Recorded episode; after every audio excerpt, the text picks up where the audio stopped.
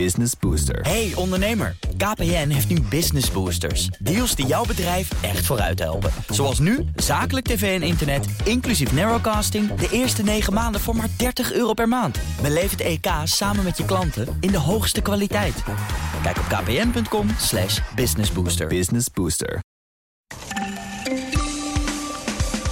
De ziekenhuizen en de zorgverzekeraars komen er niet uit. Ze moeten contracten sluiten voor het nieuwe jaar. En de ziekenhuizen zien vooral de extra kosten door corona en de inhaalzorg. De verzekeraars willen bezuinigen. De Onderwijsraad waarschuwt voor het privéonderwijs dat de scholen binnensluipt. Dat brengt de toegang tot onderwijs voor iedereen in gevaar.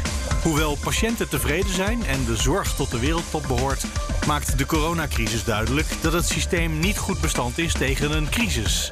En dat heeft te maken met de manier waarop we ziekenhuizen financieren. Dit is Nieuwsroom, de dagelijkse podcast van het Financiële Dagblad en BNR Nieuwsradio. Met het nieuws verteld door de journalisten zelf. Ik ben Mark Beekhuis en het is vandaag dinsdag 7 december. En eerst een bericht van onze sponsor. Deze podcast wordt vandaag mede mogelijk gemaakt door Nijenrode Business Universiteit. Ben jij toe aan een volgende stap in je carrière? En zit je te denken aan een deeltijdopleiding bedrijfskunde? Nijenrode Business Universiteit biedt hiervoor verschillende programma's aan. Voor informatie om de opleiding te kiezen die bij jou past, kijk op nijenrode.nl/slash bedrijfskunde. Er waren regionaal een aantal ziekenhuizen die en op Twitter uh, en, in sommige lokale kranten uh, al een onvrede hadden geuit. En toen ben ik ook uh, nou, nog heel wat andere ziekenhuizen gaan bellen om te kijken of dit in zo'n beetje alle ziekenhuizen speelt. En daar lijkt het, daar lijkt het wel. De rest van Nederland heeft er ook last van. Ja. Oké, laat ik dat gewoon in de opname zitten. En dan zeg ik, hallo Wesley Weerts van BNR. Hallo Mark.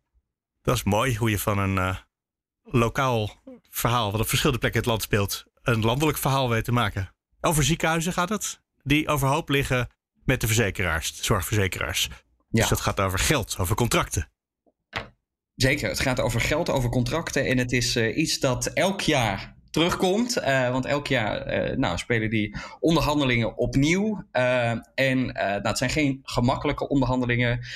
want ja, het is eerder uniek wanneer ze niet met elkaar in de clinch liggen, die ziekenhuizen en die, en die, en die verzekeraars. Want die verzekeraars die willen natuurlijk zo goedkoop mogelijk inkopen. en, en, en ja, die ziekenhuizen die, die willen vooral die behandelingen gewoon uit kunnen voeren. Dus daar, ja, daar hebben ze zo'n beetje elk jaar wel, daar steggelen ze over. Alleen dit jaar is het nog nou, extra bijzonder omdat we natuurlijk ook een uh, coronapandemie hebben. We zitten nu weer uh, nou, op een uh, piek in de coronapandemie met ja, code zwart die ook dreigt. Dus die ziekenhuizen die zeggen van ja, wij, wij, nou, we hebben en die coronabehandeling die we uit moeten voeren. We hebben veel behandelingen die we niet uit moeten voeren en die we later nog uit moeten voeren. En we hebben nog heel veel behandelingen die we niet hebben uit kunnen voeren en die we ook nog uit moeten voeren. Um, dus je ziet eigenlijk dat die verzekeraars, zo zeggen die ziekenhuizen, nu aandringen op bezuinigen. Uh, terwijl die ziekenhuizen zeggen dat kan niet, want we moeten nog heel veel behandelingen uitvoeren en daar hebben we geld voor nodig. En de zorgverzekeringen worden dit jaar sowieso weer duurder. Nou, dan zou je denken, die contracten zijn dit jaar uh, zo rond, want de zorgverzekeraars hebben meer geld dan ooit.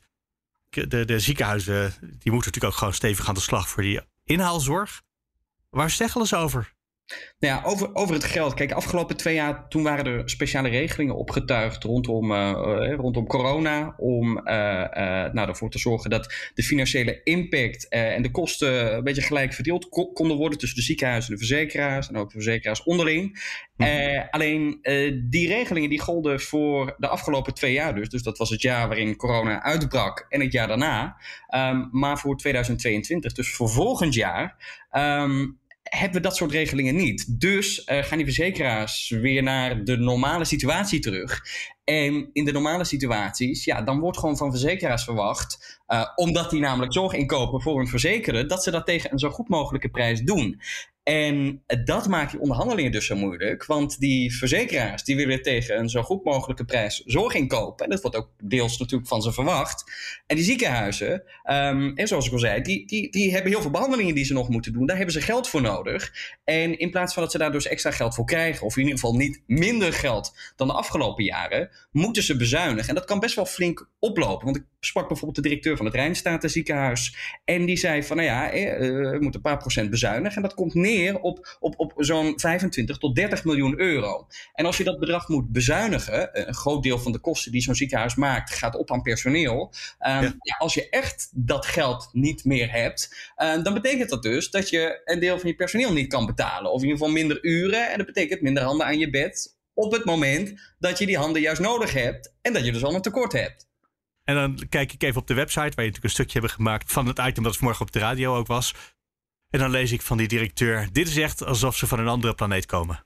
Ja, en dat is iets wat ik niet alleen maar van deze ziekenhuisdirecteur uh, te horen krijg. Dit, dit, dit is wel iets wat zo'n beetje elk ziekenhuis uh, dat ik heb gesproken, of waarvan ik, of waarmee ik in ieder geval contact heb gehad, die, die zeggen dat allemaal. Dus het, het, het, het lijkt een beetje alsof we langs elkaar heen praten. Alsof we uh, niet uh, met de situatie, uh, met dezelfde situatie aan het, aan het dienen zijn. En dat, dat is maar inderdaad, dat zie die, die verzekeraars weten toch wel dat er de afgelopen twee jaar een coronacrisis was. Dus dat er eerder meer zorgpersoneel te komende, trouwens was, dat die nog gaande is op het ogenblik. We zitten nog steeds op het randje van code zwart. Ook al hebben we dan gisteren gehoord dat we dat misschien toch niet gaan bereiken. Nee. Uh, maar goed, laten we even optimistisch denken dat we niet code zwart bereiken. Maar dat is, dan gaat het nog niet goed, dan gaat het alleen niet catastrofaal slecht. Dus de komende tijd. Uh, nee, ik snap die uh, vergelijking met die andere planeet, snap ik eigenlijk wel.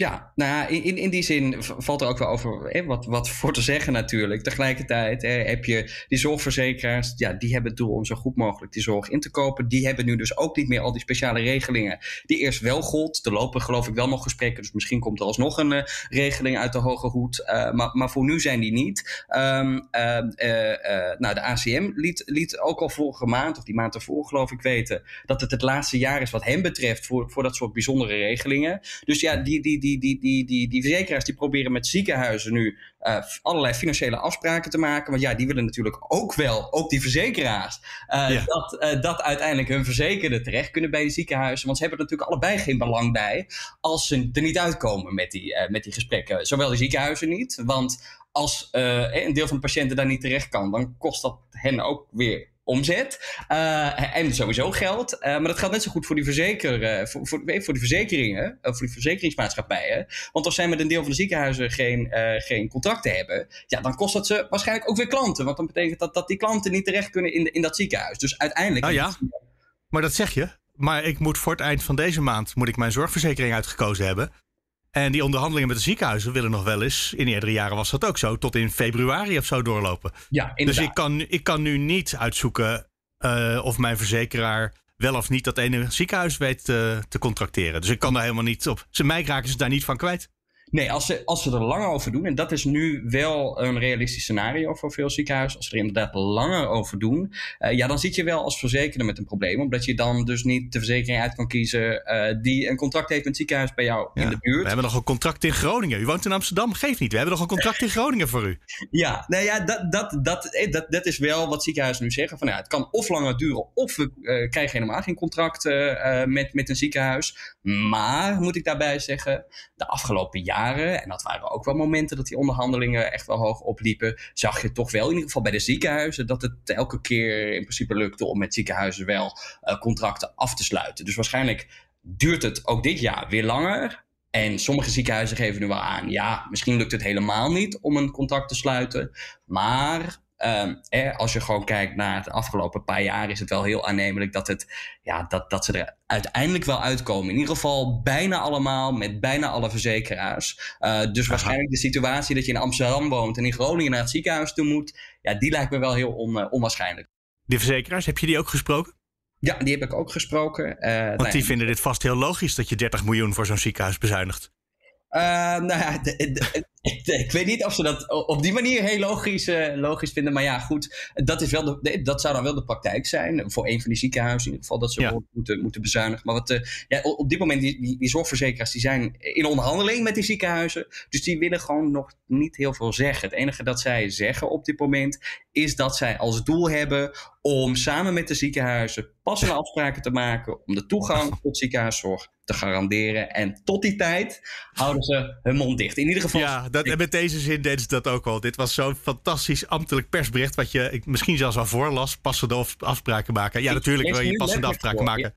Dit klinkt echt als een niet-zeggend statement van een persvoorlichter. Ja, nee, ze, ze, ze, willen gewoon op dit moment niks zeggen. In ieder geval de, de koepel van zorgverzekeraars niet. Totdat die onderhandelingen uh, nou klaar zijn. Of in ieder geval dat er een stuk meer duidelijk is of bijna klaar zijn. Dan zullen ze misschien wat meer zeggen. Maar ja, voor nu niet. Wesley Weerts, dankjewel. Alsjeblieft. En straks dus nog veel meer over de financiering van ziekenhuizen. Eerst het onderwijs. Hallo, Arnie Vleugels van het Financieel Dagblad. Hallo. Welkom in deze podcast. Nieuw, de onderwijsredacteur tegenwoordig van de krant. En, uh, en vandaag ook op de voorpagina met een artikel over het advies van de Onderwijsraad. Met een wat, uh, nou, een wat dreigende ondertoon, vind je niet? Ja, ja, ik weet niet of het dreigend is, maar zij maken zich in ieder geval wel echt serieus zorgen. Uh, want het gaat hen erom uh, dat iedereen vrije toegang tot het onderwijs moet hebben. En daar, ja, zij maken zich toch wel zorgen of dat nu niet uh, onder druk komt. En dat heeft te maken met bijles. En dan vooral bijlesbedrijven en allerlei commerciële diensten, YouTube-achtige video's die je kan bekijken. Ja. Hoe bedreigt? Want je zou denken, nou ja, dan kijk je gewoon in je vrije tijd YouTube-video of je hebt bijles. Dat was er vroeger ook. Ja. Uh, hoe bedreigt dat dan onze toegang tot onderwijs? Want je gaat toch gewoon morgens om uh, half negen de klas in en dat is toegang tot onderwijs.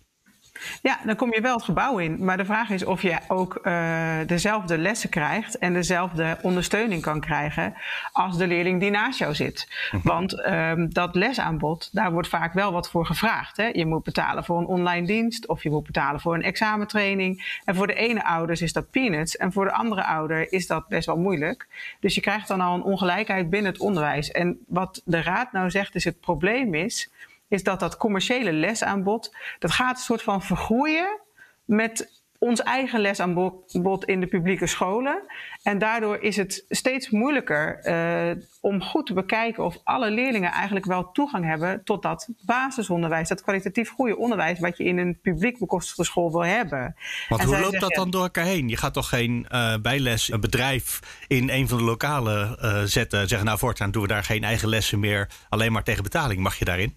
Nou ja, dat gebeurt wel. Ja? Er zijn, ja, er zijn bijvoorbeeld scholen die een, uh, een huiswerkinstituut binnen de muren hebben.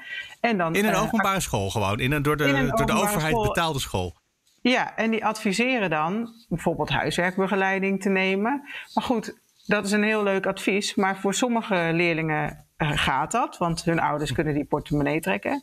En voor andere leerlingen gaat dat niet. Maar een veel groter deel van dit probleem is sluipend. In de zin van.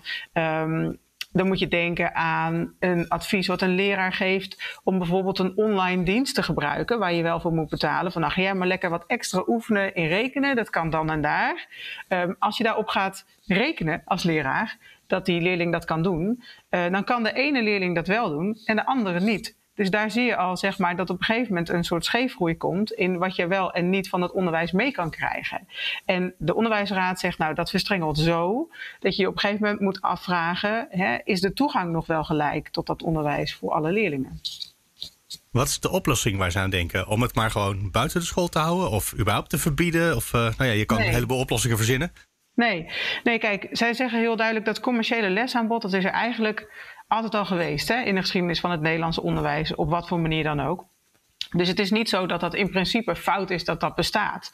Zij zeggen wel van ja, um, je moet er wel heel goed over nadenken hoe je daarmee om wil gaan als school, zodat je toegankelijk blijft voor iedereen. En dat nadenken, dat gebeurt nu eigenlijk onvoldoende. Dus zij zeggen tegen die schoolbesturen van jullie zijn verantwoordelijk voor die school, jullie zijn verantwoordelijk voor de principes van publiek bekostigd onderwijs, waar iedereen aan moet deelnemen. Dus alles wat je doet, moet je daaraan toetsen. Dat betekent dus dat als jij een techniekles wil geven en je koopt hem in, uh, en mensen moeten daarvoor betalen, dat je dat niet moet doen, maar dat je het wel kan inkopen, maar dan ook het voor iedereen gelijk beschikbaar moet stellen. En zodra je dat niet wil of kan doen, dan moet je afvragen of je het eigenlijk wel nodig hebt voor je basispakket, zeg maar, als school. En het dan gewoon laten, omdat je anders een ongelijkheid creëert. Je hebt scholen waar je uh, nou ja, waar je per traditie een reis naar Rome maakt, want dat is goed voor alle gymnasiasten. Uh, maar dan zullen misschien vijf leerlingen uit de klas dat niet kunnen betalen. En je kan het eigenlijk niet meer aanbieden voor iedereen behalve die vijf. Je moet dat nu voor die hele klas in één keer doen. Dus dat betekent dat die andere ouders of een andere sponsor of ergens iets van buiten die vijf moeten gaan betalen. Of dat de hele klas niet kan. Ja, ik denk, dus dat wordt toch een stuk uh, kariger dan, toch? Of is dat niet het gevolg ervan? Nou ja, de onderwijsraad zegt, je moet niet afhankelijk zijn van dat externe aanbod. Hè. Je moet met elkaar kijken, wat vinden we nou echt belangrijk? Mhm. En daarin kiezen. Dus dan misschien maar niet die reis naar Rome, als niet iedereen hem kan maken. Um, ofwel, maar kies er dan voor dat je dat zo organiseert dat iedereen ook mee kan. Dan hou je die toegang zeg maar, tot het onderwijsaanbod gelijk. Daar komt nog wel één puntje bij, wat jij net noemt over die oude bijdrage. Ja. Want, want um, uh, de onderwijsraad zegt ook, die oude bijdrage, daar zijn we ook niet helemaal gelukkig mee. Want het is nu gekoppeld aan een kind. Dus je kunt zien wie er betaald heeft. En zij zeggen van, wij zouden eigenlijk liever zien dat dat bij wet losgekoppeld wordt. Dus dat ouders betalen anoniem in een pot. En daaruit uh, doen we wat we moeten doen. En daaruit kiezen we dus wat we met dat geld willen doen. Zodat het niet meer gekoppeld is aan die ene leerling die het niet kan betalen. En zij zeggen ook van, nou ja, misschien moet je daarnaast wel nadenken over regionale of lokale fondsen waar geld in gestopt wordt. Waar je dan als school ook uh, geld uit kan halen als je het wel belangrijk vindt om bijvoorbeeld dat tripje naar Rome te maken en dat voor iedereen te betalen. Het is een rapport van de onderwijsraad. Uh, gaat dit nu meteen effect hebben? Zit er net een soort besluit aan te komen in het onderwijs waardoor dit meteen actueel wordt? Of is dit iets wat hopelijk een discussie in beweging gaat zetten? Nou ja, het is eigenlijk al langer uh, een trend waar kritische vraagtekens bij gesteld worden. Hè. De, de, Inspectie voor het Onderwijs heeft dat gedaan. Uh, um, allerlei instanties hebben al gezegd: Goh, jongens, wat hier gebeurt, dat moeten we echt goed in de gaten gaan houden. En wat dat betekent voor die leerlingen. Dus dat is op zich niet nieuw. Maar wat zij wel heel concreet doen, is zeggen: van hé, hey, die schoolbesturen en die overheid, die moeten hier nu echt mee aan de slag. Want wij vinden dit een urgent probleem. En dat is natuurlijk ook de rol van zo'n adviesorgaan. Mm -hmm. Benoemen van hé, hey, hier zit een risico. Uh, ga daar samen mee aan de slag. En ze zijn ook best wel concreet, vind ik, in de voorstellen. Dus zij vinden bijvoorbeeld dat er gewoon een reclame reclameverbod moet komen voor scholen om te zeggen: ga maar naar die huiswerkclub of haal daar je examentraining. Ze zeggen dat moet gewoon niet mogen. En ze vinden ook dat scholen gewoon veel meer moeten verantwoorden hoe ze eigenlijk die toegang tot het onderwijs garanderen in al dat extra aanbod wat ze leveren. En ze vinden dat dat ook in de wet moet staan.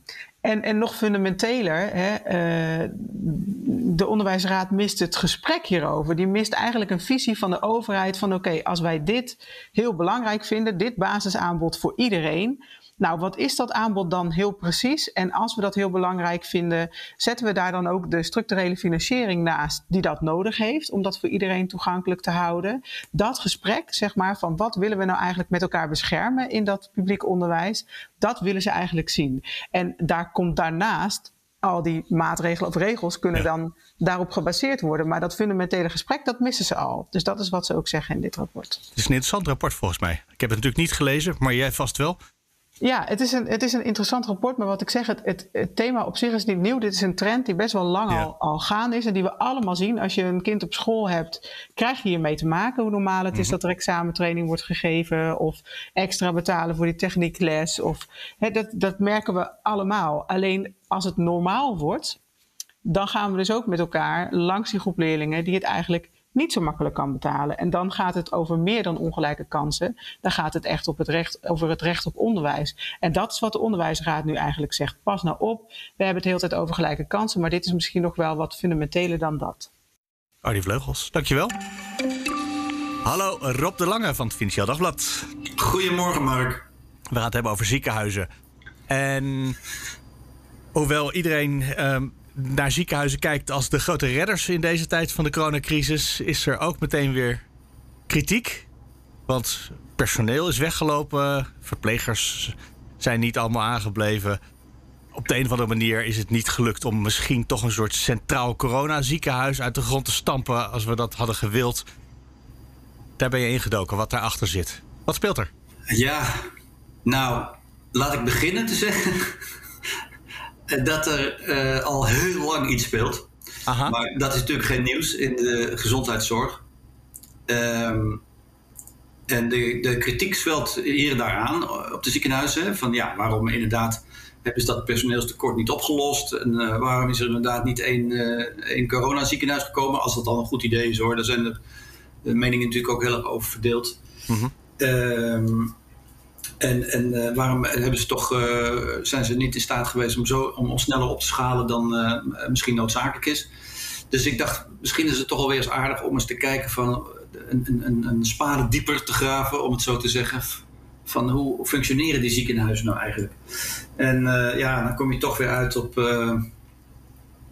op een eeuwig dilemma in die gezondheidszorg van eh, eh, ja, hoe is het gefinancierd? Uh, wie, zijn nou, wie is er nou eigenlijk de baas? Niemand is de baas. Het zijn allemaal toch losse organisaties? Er is een soort, soort ook nog steeds een misverstand in Nederland dat er uh, in Den Haag of het ministerie iemand is met een dashboard voor zich met daar een, daar een, daarop een paar knoppen waar hij op kan drukken of aan kan draaien en dat er dan iets gebeurt. Maar dat is natuurlijk totaal niet aan de orde in de Nederlandse gezondheidszorg. Het, is, het blijft een, een, een lappendeken van min of meer autonoom functionerende organisaties. En uh, ja, dat, kijk, als het allemaal als het goed gaat, eh, dan uh, functioneert dat wel. Maar in zo'n crisis zie je toch zie je dan de, de zwakheden van dat systeem zie je wel naar boven komen. Het is niet voor niks overigens dat in dit kader de veel bekritiseerde NHS in Engeland, National Health Service, ja. nu opeens uh, compliment na compliment krijgt. Omdat het voordeel van die NHS is natuurlijk dat het wel centraal aangestuurd wordt. Dus als ze in Londen iets besluiten, dan wordt dat. Dan is het ineens in het hele land geldig en dan gaan ze dat doen. Dat is natuurlijk ook niet helemaal waar, maar goed. Ook, hè? Maar in Nederland wreekt zich nu toch ook wel die, die, die versnippering. En ze hebben, de ziekenhuizen hebben er ook. Ja, aan de ene kant hebben ze er best veel aan gedaan. Er zijn regionale uh, samenwerkingsverbanden zijn opgezet. En die hebben ook echt wel hun nut bewezen de afgelopen twee jaar. Eh, zolang die crisis duurt. Maar het onderliggende uh, probleem is niet opgelost. Maar jij zegt, eh, in Engeland is het centraal geregeld. En uh, daar hebben ze gewoon een plan en dat gaat iedereen in principe uitvoeren.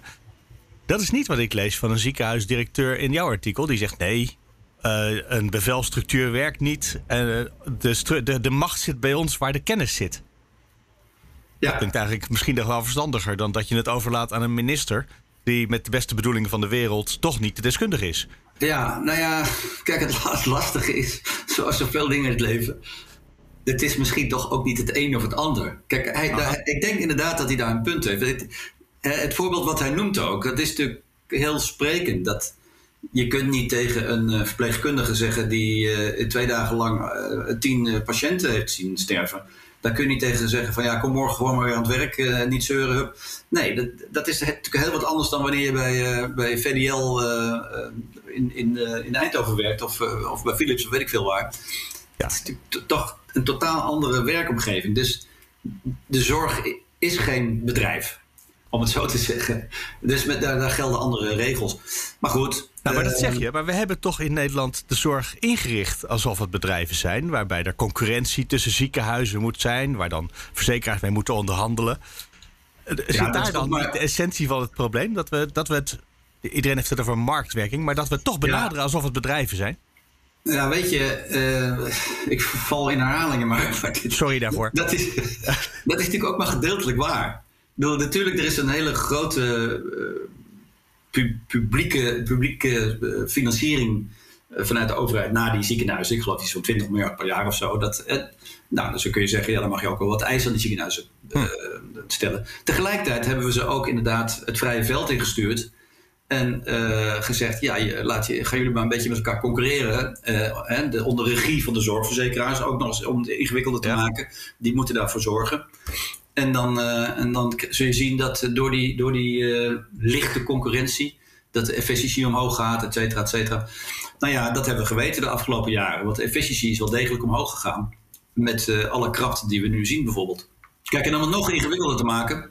Ja. Dat kan altijd bij de, gezondheid, in de Nederlandse gezondheidszorg kun je het altijd weer ingewikkelder maken. Dat maakt het journalistiek wel weer interessant trouwens. ja. We hebben natuurlijk ook langzamerhand een, een, een ring om die ziekenhuizen heen van de zogenaamde ZBC's in de Volksbond privéklinieken geheten, die eigenlijk uh, vrij goed functioneren. Mhm. En die zouden uh, nu ook, denk ik, als ik het zo goed beluister, ook nog veel meer uitgestelde zorg kunnen overnemen. Maar goed, uh, die ziekenhuizen zijn natuurlijk als de dood dat ze die zorg dan ook definitief voor, goed kwijt zijn. Dus die zijn daar niet zo heel happig op. Nee, want dan ben je ook de inkomsten daarvan kwijt. Want, uh, en dan kom je toch weer ook weer op die financiering. Dat, ja, misschien moet je wel toch op een hele andere manier gaan nadenken. Wat is nou de, hoe ziet het toekomstige ziekenhuis eruit? Wat, wat, willen, wat verwachten we van ze? Hoe gaan we ze bekostigen? En is het wel, is het wel slim dat uh, al die 83, geloof ik zijn het, 83 ziekenhuizen in Nederland ongeveer hetzelfde doen? Waarschijnlijk niet, als je het zo zegt. Nee, nee. Ik denk, ik denk wie, wie eh, blokkeert dat, dat denken? Want er zijn natuurlijk rapporten na rapporten geschreven. En ergens loopt het steeds uh, vast in het zand. Ja, dat is heel interessant. Ik, uh, in dat stuk uh, laat ik ook een, een arts uit, van het Radboud UMC aan het woord. Die is hoofd van de spoedeisende hulp in, in Nijmegen. En die heeft een plan om in die regio die spoedeisende hulp beter te laten functioneren. Namelijk, hij zegt, er zijn nu vijf ziekenhuizen in de regio Nijmegen s'nachts open. Aha. En daar komt, uh, daar komt eigenlijk komt daar, uh, komen er maar heel weinig patiënten, vijf à zes per nacht. Eentje per ziekenhuis, dus daar blijven ze de hele nacht voor open.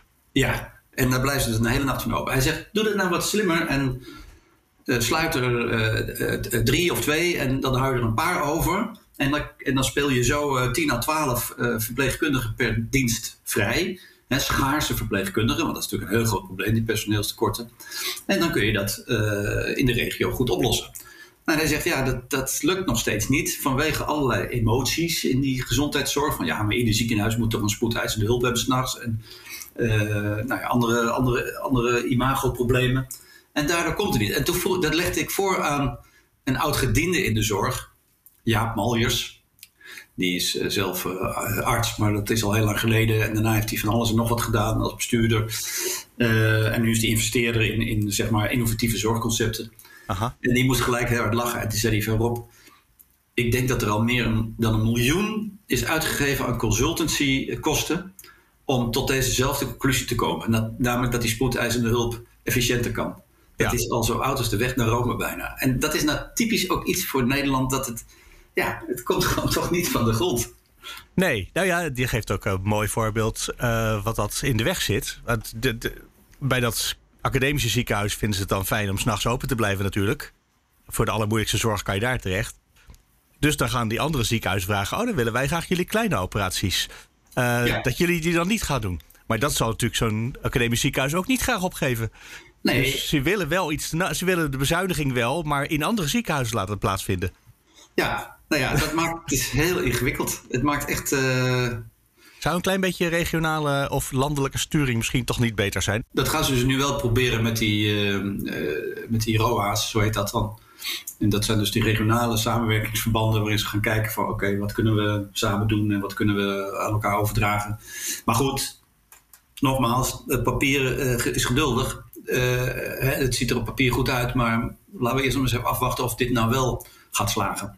Daar zeg je zo wat. Want je artikel begint met een goed voornemen dat elk ziekenhuis zo zijn eigen specialisme zou krijgen. En dat de ziekenhuizen daar zelfs maar niet eens echt aan begonnen zijn om dat goed uit te voeren. Nee, en dat kon ik me herinneren. Ik loop al heel lang mee in de journalistiek, zoals je weet. En dat kon ik me heel goed herinneren, want ik weet nog dat ik dacht van... God, stel je voor dat, dat, dat ze dat inderdaad voor elkaar krijgen. Dat zou echt een ongelofelijke slag uh, in de goede richting zijn. Dus ik heb die man nog eens gebeld die dat plan uh, zo'n beetje heeft samengesteld toen. Namens de zorgverzekeraars overigens. Van tien jaar terug, hè? 2011, ja. En het eerste wat hij zei van ja, nou ja, daar is eigenlijk niks van terechtgekomen. Die ziekenhuizen hebben dat de nek omgedraaid. ja, dus de ziekenhuizen zijn te machtig. Ja, ja. Kijk, ik... Nee, je hoeft er geen oordeel over te hebben. Nee, dat vind ik ook lastig, want ik zie ook wel hoe hard er gewerkt wordt. En, en uh, weet je, er zijn ook hartstikke veel rapporten die, die eh, aantonen dat de, de patiënt is heel tevreden over de Nederlandse ziekenhuizen. Ja, dus de zorg is draai ook mee in de wereldtop, toch? Hier met onze ziekenhuizen. We draaien alle internationale lijstjes ja. draaien we bovenal mee. Dus dat is echt wel een prestatie. Alleen je ziet nu in de crisis zie je toch ook de, de ja, de, de zwakheden van het systeem zie je wel scherp naar boven komen. Als de ziekenhuizen dat weten op te lossen, dan hebben we eigenlijk het beste systeem. Ja, maar dat kunnen ze natuurlijk niet zelf. Dat moet echt van bovenaf komen. Deze discussie uh, die gaat al heel lang mee. Dus ik had ook niet gedacht dat het nu even in 10, 15 minuten zou oplossen. Nee, en ik zou je voorspellen dat het ook nog heel lang mee zal gaan. Ja, Oh, dat is mooi. Dan hebben we de komende jaren ook nog wat items over te om daarover te maken. Ja. Rob de Lange, dankjewel. Oké, okay, Mark. Dat was hem voor vandaag. Je kan altijd mailen naar nieuwsroom.bnr.nl of nieuwsroom.fd.nl. De show notes staan op bnr.nl slash nieuwsroom. En morgen zijn we er weer, dus heel graag tot dan.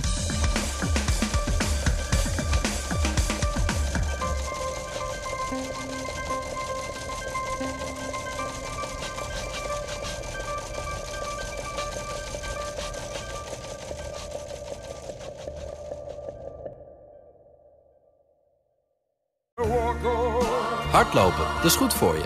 En Nationale Nederlanden helpt je daar graag bij. Bijvoorbeeld met onze digitale NN Running Coach... die antwoord geeft op al je hardloopvragen. Dus, kom ook in beweging. Onze support heb je. Kijk op nn.nl slash hardlopen.